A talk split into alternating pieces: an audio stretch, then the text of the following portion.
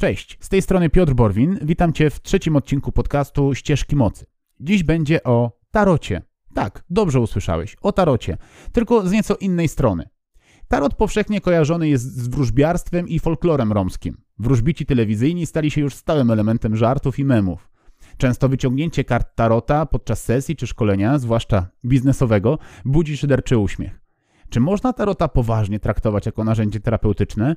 Czy niesie ze sobą coś więcej niż tylko ezoteryczną sztuczkę i czerpanie korzyści z czyjejś naiwności?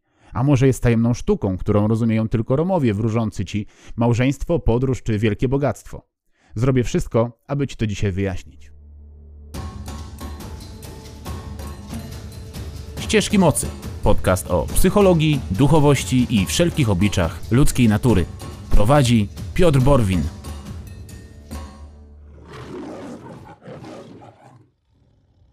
Zanim pójdziemy dalej, zaproponuję Ci małe doświadczenie. Skup się przez chwilę na swoim dużym palcu prawej stopy. Tak, dobrze usłyszałeś. Duży palec u prawej stopy. Nie patrz na niego.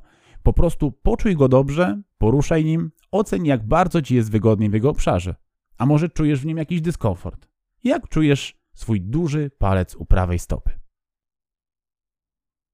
Okej, okay, wystarczy. Możesz czuć się nieco nieswojo, kiedy najpierw mówię o tarocie, a potem proszę, abyś zwrócił uwagę na swój palec u nogi. Czy to jakieś dziwaczne czary? Spokojnie, zostań jeszcze chwilę, a już tłumaczę ci, co to ma ze sobą wspólnego. Otóż bardzo dużo. Zakładam, że nie myślałeś o swoim dużym palcu u prawej stopy, zanim to tutaj usłyszałeś. Zapewne nawet nie pomyślałeś, żeby o nim pomyśleć. Ja tylko skierowałem na niego Twoją uwagę. Informacja o nim była dostępna dla Ciebie w ułamku sekundy, mimo iż nie było jej aktualnie w tzw. Tak świadomej warstwie Twojego umysłu. Takim samym impulsem do przekierowania uwagi może być też czyjaś opowieść, film, dźwięk czy obraz. Mogą być i często są wyzwalaczem niesamowitych rzeczy z naszej podświadomości. Przypomnij sobie uczucia, wspomnienia, jakie wywołała w Tobie ostatnio słyszana piosenka w radiu, czy film, jaki widziałeś w telewizji. I tu pojawiają się też karty Tarota – Pierwsze europejskie zapisy około XIV wieku mówią o nich jako o kartach do gry i stanowiących swoistą matrycę do opowieści o ludzkiej wędrówce przez życie. Niektóre źródła wskazują na ich powiązania ze starożytną kulturą Bliskiego Wschodu, Egiptu, Kabałą, a nawet indyjską tantrą. Ich ponadczasową mocą jest symbolika, która działa dokładnie tak samo jak moje wskazanie na palec, czyli jak wyzwalacz. Mnogość symboliki na każdej z kart odwołuje się do wielu aspektów naszego życia i może stanowić atrakcyjną przynętę dla naszej podświadomości, aby pozwolić Ci wydobyć coś niezwykle istotnego na powierzchnię, zwłaszcza w połączeniu z dobrze zadanym pytaniem. Karty Tarota, podobnie jak gwiazdy, stanowiły dla człowieka pewnego rodzaju matrycę do snucia opowieści o życiu i jego przygodach. Te opowieści to mity pełne archetypów, snute przez ludzi od tysięcy lat, które każdy z nas mniej lub bardziej świadomie opowiada też swoim życiem. Na tym właśnie opiera się moc metafory zawarta w mitach, symbolach i obrazach, a więc również kartach tarota, w których możemy odnaleźć odpowiedzi dotyczące bohaterów tych opowieści, czyli nas samych. Owszem, wokół kart tarota wytworzył się pewien ciężar kulturowy, który zrodził się w trzech głównych źródłach. Pierwszym z nich jest fakt, że popularyzacja kart tarota w Europie zbiegła się z pojawieniem Romów w Europie. Jednym z tradycyjnych romskich zajęć było wróżbiarstwo, tępione przez Kościół katolicki. Nie wiemy dziś, czy to Romowie przynieśli Tarota do Europy, co tłumaczyłoby jego związki z Tantrą, Kabałą i Egiptem, czy też spotkali się z nim dopiero tutaj. Niezależnie od tego, nie trudno przyjąć, że pełne symboli karty przypadły do gustu romskim kobietom, które trudniły się wróżbiarstwem. Mężczyźni romscy tym się nie trudnili.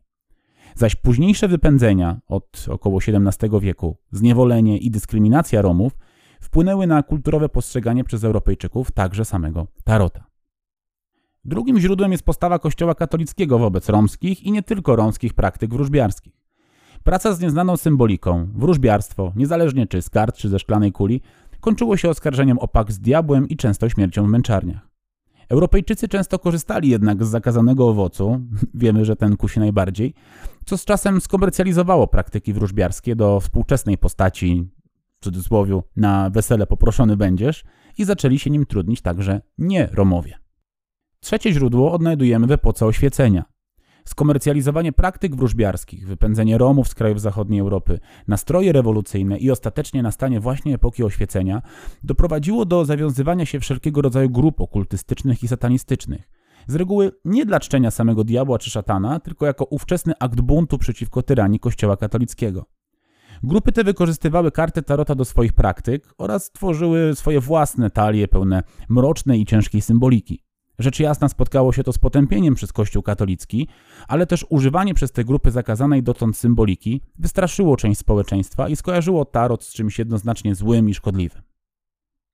Tarot, podobnie jak wiele praktyk szamańskich i zielarskich, przetrwał tę systemową próbę. Może powodować negatywne skojarzenia i jest to w pełni zrozumiałe, zwłaszcza dla ludzi pochodzących z kultur silnie związanych z katolicyzmem. Jest to zdecydowanie przykład narzędzia o jasnej i ciemnej stronie którego można użyć albo dla czegoś, albo przeciw czemuś. Praca z jego symboliką na pewno wymaga zweryfikowania dotychczasowych przekonań kulturowych, jakie narzucono nam na jego temat przez ostatnie wieki. Jeśli nie czujesz się gotowy na terapeutyczną pracę z symboliką tarota, w mojej pracowni znajdziesz też wiele innych kart metaforycznych i narzędzi do pracy z metaforą, które równie skutecznie pomogą Ci znaleźć Twoje odpowiedzi, jeśli tarot to dla Ciebie coś za dużo. Więcej informacji możesz znaleźć o tym na stronie humanatura.eu w zakładce Pracownia. To by było tyle na dzisiaj. Dajcie mi znać, czy chcecie dłuższe odcinki, czy krótsze. Planuję też zrobić kilka odcinków na temat archetypów i symboliki tarota, bardziej szczegółowo. Dajcie znać, czy jest to temat, który Was interesuje. Cześć i do usłyszenia w kolejnym odcinku.